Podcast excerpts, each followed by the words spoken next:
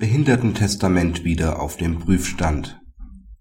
Die BGH-Rechtsprechung zum Behindertentestament ist nicht auf Bedürftigentestamente zugunsten nicht behinderter Erben übertragbar. Behindertentestamente sind möglicherweise sittenwidrig und damit nichtig. Der Antragsteller beantragte im Wege des einstweiligen Rechtsschutzes, ihm trotz einer Erbschaft mit einem Wert von rund 240.000 Euro Leistungen zur Sicherung des Lebensunterhalts nach dem SGB II zuzusprechen. Zunächst bezog er Arbeitslosengeld. Am 2.12.2005 beantragte er Leistungen zur Grundsicherung nach dem SGB II. Er bewohnte im Haus seiner Eltern zusammen mit seiner Mutter ein Zimmer von 12 Quadratmetern der 70 Quadratmeter großen Elternwohnung. Hierfür fielen Betriebs und Heizkosten an. Er besaß ein Vermögen von circa 8.700 Euro aus Bauspar Spar und Aktiendepotguthaben. Die Antragsgegnerin bewilligte daraufhin fortlaufend Leistungen in Höhe des Regelsatzes und trug die Kosten für Unterkunft und Heizung. Am 10.12.2008 verstarb die Mutter des Antragstellers. Mittels notariellem Testament hatte sie ihren einzigen Sohn, dem Antragsteller, als nicht befreiten Vorerben ihres Vermögens eingesetzt.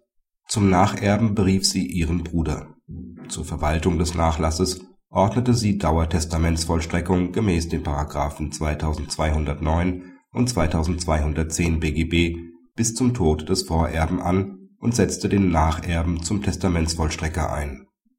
Diesen wies sie durch umfangreiche Verwaltungsanordnungen an, dafür Sorge zu tragen, dass der Nachlass möglichst erhalten bleibe und der Vorerbe in den Genuss der Nachlassfrüchte komme ohne dass ihm öffentlich-rechtliche Zuwendungen verloren gingen.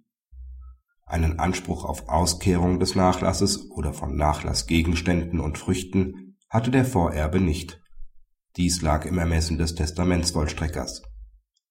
Der Nachlass sollte dazu dienen, es dem Vorerben zu ermöglichen, sein Leben wie bisher weiterzuführen am 31.03.2009 hob die Antragsgegnerin ihre Entscheidung über die Bewilligung von Leistungen ab 1.05.2009 auf und verwies den Antragsteller zunächst auf den Verbrauch der Erbschaft.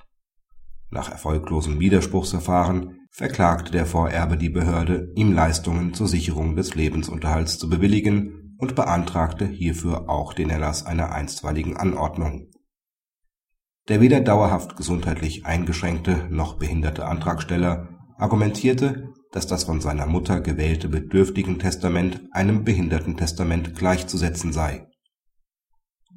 Das Sozialgericht Dortmund lehnte den Antrag auf vorläufigen Rechtsschutz ab, weil der Antragsteller zunächst alle Möglichkeiten zur Beendigung oder Verringerung seiner Hilfsbedürftigkeit ausschöpfen muss. Hierzu gehört auch die Anfechtung des Testaments, weil einiges dafür spricht dass dieses sittenwidrig ist. Mangels Behinderung des Antragstellers kann die Rechtsprechung des BGH zum Behindertentestament nicht auf den Antragsteller übertragen werden, da er nicht der besonderen Fürsorge der Erblasserin bedarf. Die Testierfreiheit geht nicht so weit, dass dem Erben seine Annehmlichkeiten aus dem Nachlass finanziert werden und für seinen Lebensunterhalt der Steuerzahler aufkommen muss.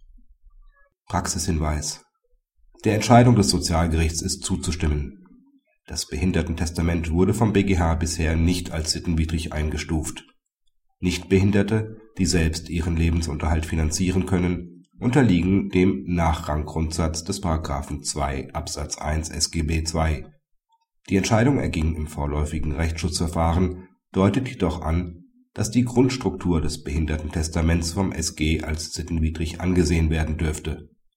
Die Rechtsprechung scheint dahin zu tendieren das Behindertentestament entgegen dem BGH als sittenwidrig anzusehen